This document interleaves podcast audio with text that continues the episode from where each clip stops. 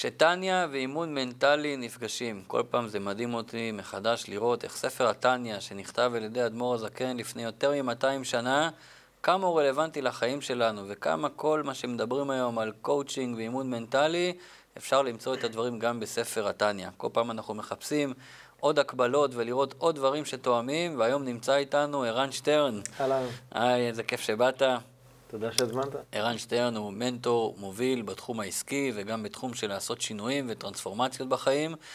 והיום נדבר על משהו שפעם היית עוסק בו יותר, העניין של שליחות. כן. כידוע שהחסידות, אצל הרבי מלובביץ', וכמובן הכל מתחיל מספר התניא, העניין של השליחות, לא באנו לעולם הזה בשביל עצמנו, באנו כדי לתת משהו, לא באנו כדי לקבל, באנו להעניק, זה דבר מאוד מאוד יסודי ומאוד מאוד מרכזי. ואני רוצה לספר לכם שאני הכרתי את ערן לפני כמה שנים בשיתוף פעולה שעשינו ביחד. עשינו ביחד קורס איך למצוא את השליחות שלך, גם איך אפשר אה, להתפרנס ממנה, אפילו להגיע לעשירות. וכבר אז, קודם כל, הרגשתי שזו זכות אה, להכיר אותו, בן אדם כל כך עדין ורוחני ומיוחד. וגם ראיתי פשוט באופן מדהים איך התכנים של התניא והחסידות, אני מגדיר את זה שהם נמצאים באוויר, הם קיימים, וכל מי שככה פותח את האנטנות, הוא כלי לקבל אותם, אז זה פשוט עובר דרכו. וראיתי ממש דברים שאני למדתי בחסידות, בספרי החסידות, בספר התניא, בשיחות של הרבי, אתה גם כן, אה, קיבל, לא יודע מאיפה, אבל ככה האנטנות שלך קלטו את זה, וזה היה ממש השקה נפלאה. ובואו נדבר על זה גם היום קצת באמת, על כל הנושא הזה של אה, שליחות, מה זה אומר לנו, איפה זה בחיים שלנו. אה, אולי נתחיל בזה שהיית פעם אצל הרבי מלובביץ' בכינוס השלוחים העולמי לפני תשע שנים, אם אני זוכר נכון. 2013 נדמה לי, כן. כן, לפני תשע שנים. כן, זו הייתה חוויה, חוויה מדהימה. כאילו, הזמינו אותי באמת להעביר כמה הרצאות בכינוס של השלוחים, ו... אה, ואז בעצם פעם ראשונה גם נחשפתי לכל, ה, לכל האירוע הזה, כאילו זה כן. אירוע, כן, כאילו. מגה אבנט, כמו שאומרים להגיד שם. כן, כאילו, כשאתה לא רואה את זה בעיניים, זה קשה, קשה נכון. לדבר על זה ולהבין את, את העוצמה של הדבר הזה, ובמיוחד אחר כך באירוע המסכם בבנקט, זה כאילו, זו עוצמה מאוד מאוד אדירה. גדולה, מאוד מאוד גדולה, וזה היה ממש, אה, מבחינתי זכות גדולה ככה לקבל את החוויה הזאת. כן. אתה יודע מה, אם אתה הזכרת את הבנקט, אני חייב לשתף אותך באיזה סיפור קצר, שבאחת השנים שהגעתי לשם, אז היה מישהו מקנדה שהיה לומד איתי, דרך המחשב, אז עוד לא היה וואטסאפ, עוד לא היה זום, זה היה סקייפ, זה היה הטכנולוגיה. ואני אמרתי לו, בוא גם כן לכינוס. אני מגיע מצפת, הייתי גר אז בצפת, זה דרך ארוכה, עד נתב"ג, עד...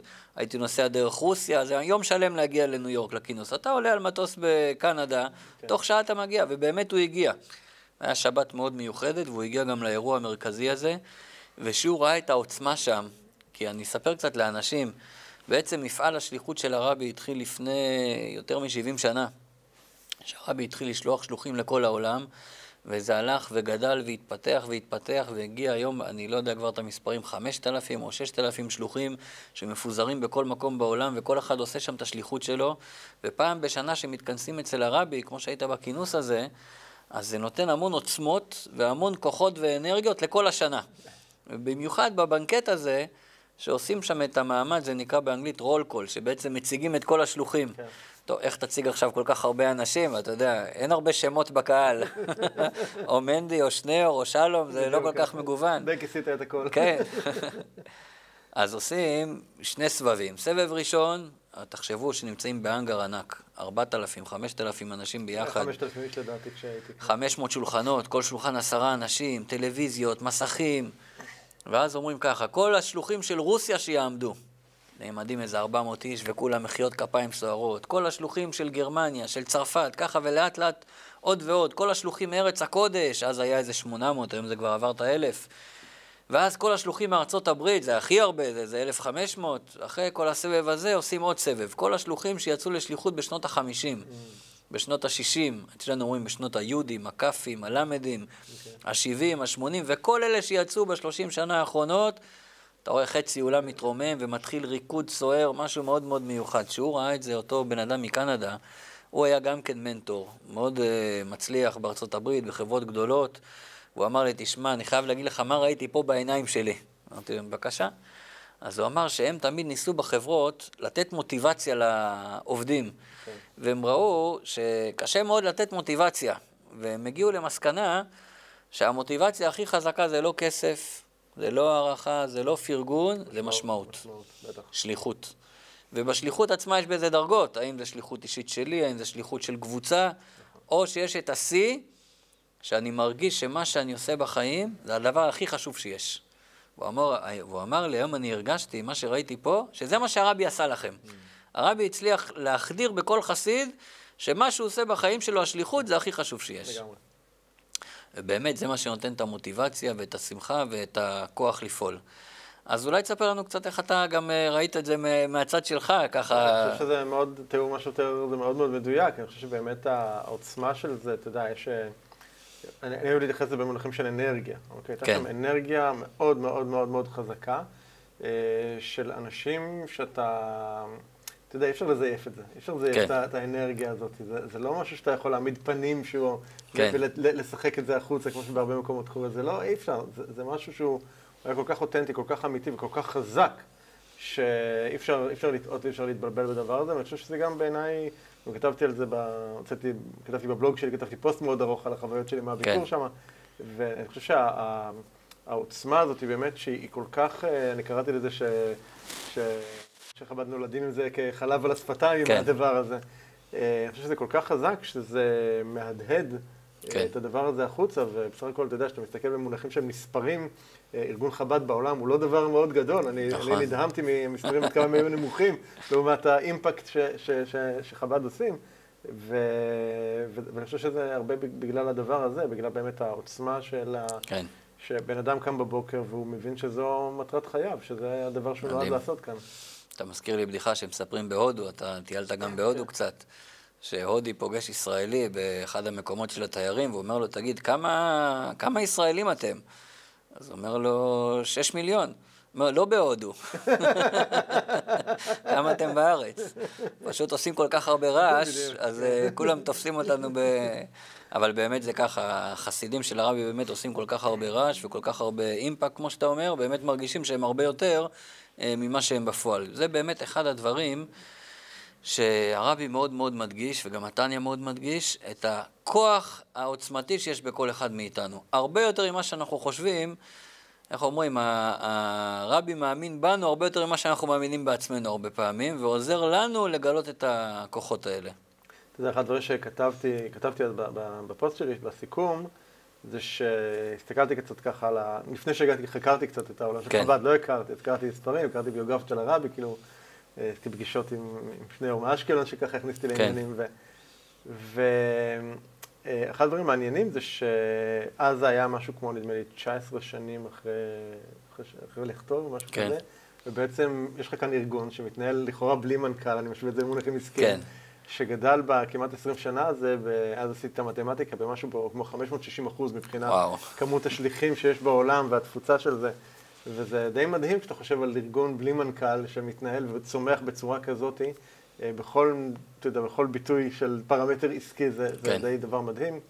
ואני חושב שבאמת אי אפשר לעשות את זה עם, עם האנשים שעושים את זה בסוף, לא מונעים מתוך איזשהו משהו פנימי מאוד מאוד עמוק ומאוד מאוד משמעותי. נכון. אז באמת, המקור להכל זה בספר התניא, והמקור להכל זה התורה והפנימיות התורה, הסוד של התורה. באמת יש איזה משפט אחד אה, בתניא, אולי מתוך זה ניכנס ככה לתוך העניין, שבעל התניא, שהמדמו"ר הזקן מדבר, אומר חידוש מאוד גדול. הוא אומר, הנשמה לא ירדה לעולם בשביל עצמה. זאת אומרת, הנשמה היה לה טוב יותר למעלה, לא היה חסר לה כלום. נקרא לזה מונחים של גן עדן, עולם עליון, לא משנה כרגע, אבל כביכול למעלה לא היה חסר לה כלום. אם היא בכל זאת ירדה למטה, ירידה זו היא צורך עלייה. היא ירדה לא בשביל עצמה, כי היא כבר הייתה למעלה, אז מה, ירדה כדי לעלות חזרה? אתה יודע, בן אדם גר בצפת, רוצה להגיע לקריית שמונה, הוא לא נוסע לתל אביב כדי להגיע לקריית שמונה, הוא כבר נמצא בצפת. אז היא לא ירדה כדי לעלות למעלה, היא ירדה כדי להעלות את כל העולם למעלה. זאת אומרת, כל אחד שיורד לפה, יש לו איזשהו תפקיד בעולם, יש לו איזשהו, זה נקרא בקבלה בירור, הוא בא למיין, לבדוק מה טוב, מה לא טוב, להשתמש בדברים הטובים בצורה הנכונה, ועל ידי זה הוא בעצם שליח של בורא עולם לעשות איזשהו תיקון פה בעולם הזה. איך באמת אה, בעולם המנטורים, איך באמת אה, מסתכלים על זה? אני, חושב שזה מאוד דומה, שוב, אתה יודע, אולי השפה טיפה שונה לתאר כן. את זה, אבל במהות, המהות היא, די זהה בעיניי. אני, אני מאוד מאמין שבאמת הגענו לכאן לא סתם. אני חושב שבאמת. שכמו שאמרת, שהנשמה יורדת לכאן, אנחנו מגיעים, כי יש לנו באמת איזשהו תפקיד, בין אם התפקיד הזה הוא משהו שאנחנו אה, מבינים אותו ויודעים אותו אה, משלב כזה או אחר בחיים שלנו, ובין אם זה דבר שאנחנו מגלים אותו תוך כדי החיים, או, או אפילו יש כאלה שהאמינו שהם יוצרים את זה עבור עצמם, זה, מבחינתי זה, לא, זה פחות משנה באיזה דרך כן. הגעת לזה, העיקר שבסופו של דבר באמת הגעת לזה. יש המון המון המון יתרונות כשבן אדם אה, מזהה מה באמת השליחות שלו, מה הדבר שהוא נועד לעשות, כי אני חושב שזה כל המנגנון ההנאה הפנימי שלנו מבוסס על הדבר הזה, זה, הד, זה דלק מאוד מאוד מאוד מאוד חזק, הרבה יותר מכל אה, דלק חיצוני כזה או אחר, זאת אומרת, אני רואה הרבה מאוד שנים אה, עד היום אני עובד עם בעלי עסקים ו, ומלווה עסקים ומלווה אנשים בהקמה או בפיתוח או בצמיחה של העסקים שלהם ו, והייתה לי גם קהילה מאוד גדולה של עסקים מבוססי שליחות, זאת אומרת עסקים שהעסק שלהם בנוי על השליחות של הבן אדם. ו... וראיתי את זה פעם אחר פעם קורה, כשבן אדם באמת יודע לדייק ולזקק מה הדבר שלשמו הוא עושה את מה שהוא עושה, אז כל ההנאה הפנימית שלו היא, היא, היא אחרת, הדלק שלו הוא אחר, וזה מאפשר לבני אדם להתמודד אחר כך לאורך הדרך עם הרבה מאוד דברים שהמציאות, אה, אתה יודע, מפגישה אותנו איתם. אם זה אתגרים או קשיים או כישלונות או מה שזה לא יהיה. אמ, כסף למשל הוא אף פעם לא יהיה מוטיבציה מספיק חזקה, זאת אומרת גם אם יש לי עסק ואני רוצה לעשות שם הרבה כסף, זה אחלה, אבל זה אף פעם לא יהיה מוטיבציה מספיק חזקה כמו אם אני קם בבוקר ואני יודע למה אני עושה את מה שאני עושה. אם אני, אם אני מחובר, אתה יודע, רגשית, בצורה מאוד מאוד עמוקה למשמעות של מה שאני עושה. זה ייתן לי מוטיבציה הרבה יותר אה, אה, אפקטיבית והרבה יותר מתמשכת, ו... הרבה יותר יציבה מכל... אה, זה משהו אבל uh, חדש בעולם, זאת אומרת, אם נחזור 30 שנה, 40 שנה אחורה, היה בעולם את הדבר הזה שאנשים מחפשים לעשות שליחות ולא כסף? אני חושב שזה תמיד היה, אני לא חושב שזה חדש במובן הזה שזה לא היה, זה תמיד היה, אני חושב שהמודעות לזה השתנתה. זאת אומרת, היום הרבה אנשים הרבה יותר מודעים, וגם אם, אתה יודע, אם נסתכל אפילו, לצורך הדוגמה, על ההורים שלי, כן. אוקיי? אה, מבחינתם, אתה יודע, אם אתה מסתכל על, אתה מכיר את פירמידת הצרכים של מאסלו, נכון? הצרכים כן. הבסיסיים של הבן אדם. אז אתה יודע, כשהם היו צעירים יותר, הם היו במאסלו הבסיסי, שמבחינתם זה היה, אתה יודע, פרנסה, אה, הישרדות כזו כן. או אחרת. אה, והיום המצב הוא אחר, היום אנשים לא באמת, רוב האנשים אין להם, הם לא נמצאים במצב הישרדותי, אתה יודע, אין להם, יש להם בית, יש להם פרנסה כזו או אחרת, הם לא נמצאים במקום הישרדותי, וזה אומר שאנחנו... יותר כבני אדם לחפש את המשמעות הגבוהה יותר בדברים. אה, פחות נהיה עסוקים עכשיו במה אני אוכל בעוד שעתיים, כן? כן. זה, זה לא היה כזה. בדיוק אמא שלי הייתה אצלי לפני כמה ימים, והברז בכיור טיפה טפטף לרגע, והיא אמרה שקשה לה לשמוע את הטפטוף של המים, כי היא כילדה הייתה במצור בירושלים. כן. אתה מבין שכל טיפה של מים, אז עד היום היא לא יכולה לשמוע ברז כן. מטפטף. אז זו הייתה המציאות שלהם. היום, אתה יודע, ברז מטפטף, אף ילד לא יסתובב, לא יסתובב את הראש אחרי זה, זה לא, זה לא יפריע לאף אחד. אז הדבר הזה, אז, אז, אז, אז הפוקוס היה על דברים אחרים מאשר היום. אז אני חושב שזה קיים היה, היום אנשים הרבה יותר בפניות כדי לעסוק בזה ובמודעות כדי להבין את זה עד כמה זה חשוב. מדהים, גם אני רואה, אתה יודע, עם הרבה חבר'ה צעירים שמחפשים גם להיות עסוקים בדברים של חסד. Okay. כן. להתנדב, יש היום ארגוני התנדבות מאוד גדולים בארץ, להתנדב עם אה, נוער עם מוגבלות, עם ילדים okay. כן. עם, uh, בסיכון, עם נוער בסיכון, ילדים עם מוגבלות. ממש מחפשים לא רק לשמור לעצמי, אלא לתת לאחרים. ז- זאת המשמעות, אנשים מחפשים משמעות. מדהים. משמעות. זה באמת הגאולה, כל הזמן מדברים על הגאולה, שכולנו נצא מהמקום האגואיסטי, שאני דואג רק לעצמי ומה אני ארוויח, אני פותח את העיניים ומסתכל, לא מה אני רוצה לקבל, אלא מה אני יכול לתת. אני רוצה אבל לתת עוד זווית על הדבר, כן. ואני מאוד מסכים מה שאמרת, אבל אני חושב שבעצם זה שכשאני כשאני נמצא במקום שאני באמת נותן את המתנה שלי, ומביא את המתנה שלי לעולם, אני מקבל מזה חזרה. Oh. בסדר? זאת אומרת, יש פה תמיד איזשהו, איזשהו סחר חליפין כזה, נגיד, כן. בסדר? והמקבל לך חזרה זה יכול לבוא בהרבה מאוד צורות, החל מצורה פיזית, שזה יכול להיות כסף או תגמול כזה או אחר, וזה יכול להיות בצורות של תגמול רגשי, או של כבוד, או של הערכה, או של הכרה. אה, או של אהבה שאני מקבל, זאת אומרת, תמיד אנחנו נקבל משהו, גם אם אני אגיד, אוקיי, אני אעשה את זה בשביל הנתינה, זה אחלה, אבל חשוב לזכור שתמיד יש לזה כן. איזשהו לופ חוזר. זה, שוב, אני, מבחינת אנרגיה, יש פה החלפת אנרגיה, אתה יודע, חוק שימור האנרגיה, כן. אתה לא כן. יכול לתת משהו בלי לקבל מהדבר הזה בחזרה. אז, אז גם ה... אז, אז, אתה יודע, אני, בדיוק הייתה לי איזו שיחה בת זוג שלי על העניין הזה של אגואיסטיות. אוקיי. כי אמרת את המילה, זה ככה תפס אותי. ויש משהו במילה אגואיסט שהיא גורמת לנו להתכווץ, היא לא נשמעת כן. טוב. אני חושב שבן אדם צריך להיות אגואיסט במובן הזה שהוא צריך להבין מה עושה לו טוב, אוקיי? וחלק מאוד מהותי מהדברים שעושים לנו טוב, זה כשאנחנו נותנים את המתנות שלנו לעולם. כן. אוקיי? אז אני לא רואה סתירה כל כך בין ה... אתה יודע, זה עניין של סמנטיקה קצת, איך אתה מסתכל על הדבר הזה, על להיות אגואיסט, אבל... יש סמנטיקה, אבל יש גם איזשהו מקום שהתורה מצפה מאיתנו להגיע למקום של לשם שמיים אמיתי. נכון שזה מקום מאוד מאוד גבוה, ונכון אגב שכשעושים את זה, יש תגמול. יש תגמול מאוד גדול, אבל אי אפשר לעשות אה, קומבינה. לא, אני לא... לשחק לא, אותה לשם שמיים בשביל לא, התגמול, זה לא יעבוד. לא, זה שוב, זה אנרגיה, אי אפשר לזייף את זה. אני לא לא דיברתי זה במקום של הקומבינה, אלא במקום של כן אבל להבין שבסוף הדבר הזה, כן. יש לו איזשהו איזשהו היזון חוזר אלינו. יש סיפור, ממש סיפור אה, מכונן, שמספרים אצל חסידים, מחסיד של אדמו"ר הזקן בעל התניא. שהוא היה עשיר גדול, שהיה נותן הרבה צדקה ועוזר ליתומים ואלמנות. אתה יודע שפעם יתומים ואלמנות זה היה... הם היו בבעיה הכי גדולה, אין מי שידאג להם. אישה לא הייתה עובדת, אם אין לה בעל, היתומים אין להם הורים. הוא היה עוזר ליתומים ולאלמנות, לדאוג להם לחתונה ופרנסה. ויצא שעשה איזו עסקה וירד מנכסיו בעסקה הזאת. לא היה בנקים, לא היה הלוואות, כן. ירדת מנכסיך, זה ירדת מהנכסים. והוא הגיע לאדמו"ר הזקן, והוא נכנס ליחידות, יחידות זה פגישה אישית בין הרבי לחסיד, ובפגישה אפשר ככה לפתוח את הלב, גם ככה יודעים עליך הכל, ומספר את הכל. והוא סיפר לרבי שהוא כל כך כואב לו, לא על עצמו שהוא הפסיד את הכסף, כואב לו שהוא לא יכול לעזור לאותה אלמנה שהוא התחייב לה, לאותם יתומים שהוא הבטיח להם, אותם צדקות שהישיבות רג- רגילות לקבל, לקבל ממנו, על זה כואב לו. כן. אדמו"ר הזקן היה מקשיב, נכנס לאיזה דבקות כזאת, ככה מוריד לו עכשיו את התשובה מלמעלה, היה ככה שם את הידיים על המצח ועונה בניגון. הוא אמר לו, ב... אני לא יודע יידיש, אמר, אני אתרגם את זה ישר לעברית, אומר לו, עד עכשיו שמעתי ממך שאתה אומר לי מה אתה רוצה. למה אתה לא שואל אותי מה רוצים ממך? זאת אומרת, אף על פי שמה הוא רצה? הוא רצה דברים לכאורה לשם שמיים, לעזור לאחרים, לתת צדקה, לעזור ליתומים, לאלמנות. אומר לו, לא, אבל אני רוצה לשמוע מה רוצים ממך. אתה לא צריך לעבור רק עם המקום של מה אני רוצה לתת לעולם, אפילו אם אני רוצה לתת לעולם דברים טובים, כן. אלא מה העולם רוצה ממני. אני חושב שבמושגים של השליחות גם, הרבה, עוד לא נכנסנו כל כך לנושא הזה, אבל יש מה שהבן אדם חושב שזה השליחות שלו, ויש מה שהעולם רוצה ממנו. כן. לא תמיד זה אותו דבר. לא, זה לא אותו דבר, ויש עוד עניין שהרבה פעמים אנשים מבלבלים קצת לפעמים בין השליחות שלהם לבין העשייה שלהם. אוקיי. זאת אומרת, הם, אפשר לראות את זה די בקלות כשאתה תשאל בן אדם מה, נגיד אני מדבר עם אנשים על, על השליחות שלהם, והם אומרים, כן, אני יודע מה השליחות שלי. אני שואל אותו, אוקיי, מה זה? הוא אומר לי, אה, השליחות שלי היא, והוא בעצם מספר לי מה הוא עושה. אוקיי. הוא מספר לי על העשייה שלו. אוקיי, עכשיו העשייה היא בסך הכל ביטוי, או שלא, של, של השליחות שלי. זאת אומרת, היא יכולה להיות ביטוי או לא של השליחות שלי. זאת אומרת, במקום שיש אה, איזושהי חפיפה בין השליחות שלי, בין העשייה שלי, שם אנחנו מתחילים באמת להרגיש את ה... אתה יכול לתת דוגמאות?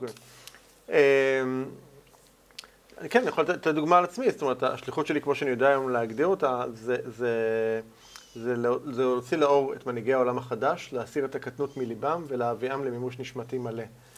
ככה אני ידעתי להגדיר את זה. עכשיו, זו, זו השליחות שלי, אוקיי? זה מה שבאתי כאן לעשות עם אנשים. איך שאני מביא את זה לידי ביטוי, זה יכול להיות באלף ואחת צורות. זה יכול להיות דרך זה שאני כותב ספרים, שאני עושה פודקאסטים, שאני מלווה אנשים, שאנחנו מדברים עכשיו, כשאני מדבר סתם עם, עם חבר באיזה שיחת ערב על בירה. אוקיי, זו העשייה שלי. אבל היא מביאה לידי ביטוי, או שלא, את השליחות שלי, וזה העניין עכשיו.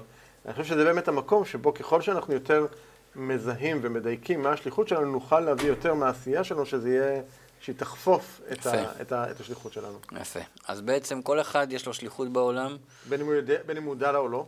וכל אחד צריך לשאוף לממש את השליחות הזאת, זה יהיה הכי טוב בשבילו, הכי טוב לעולם, וגם הוא יתוגמל מזה. זה, זה יהיה המיטבי. בכל הרבדים. זה, זה, easier said than done, זאת אומרת, כן. יותר קל להגיד את זה מאשר לעשות את זה, כי מה לעשות, אנחנו בני כן. אנוש, ויש לנו את האגו שלנו, ויש לנו את ה... כן. קודם קוראים למחשבה, החשיבה הבהמית, נכון? כן. יש לנו הרבה עניינים עם עצמנו, אה, לא תמיד פתורים, שהם הרבה רעשים עומדים... ברקע. כן, יש בדיוק, יש לנו הרבה רעשי רקע שהם עומדים בינינו לבין המימוש הזה, וזה, וזה הדבר שאנחנו צריכים להתמודד איתו. או, אז זה בעצם מה שאנחנו רוצים לדבר, איך באמת בן אדם מוצא את השליחות הזאת, כן. ואחרי זה איך הוא יממש אותה.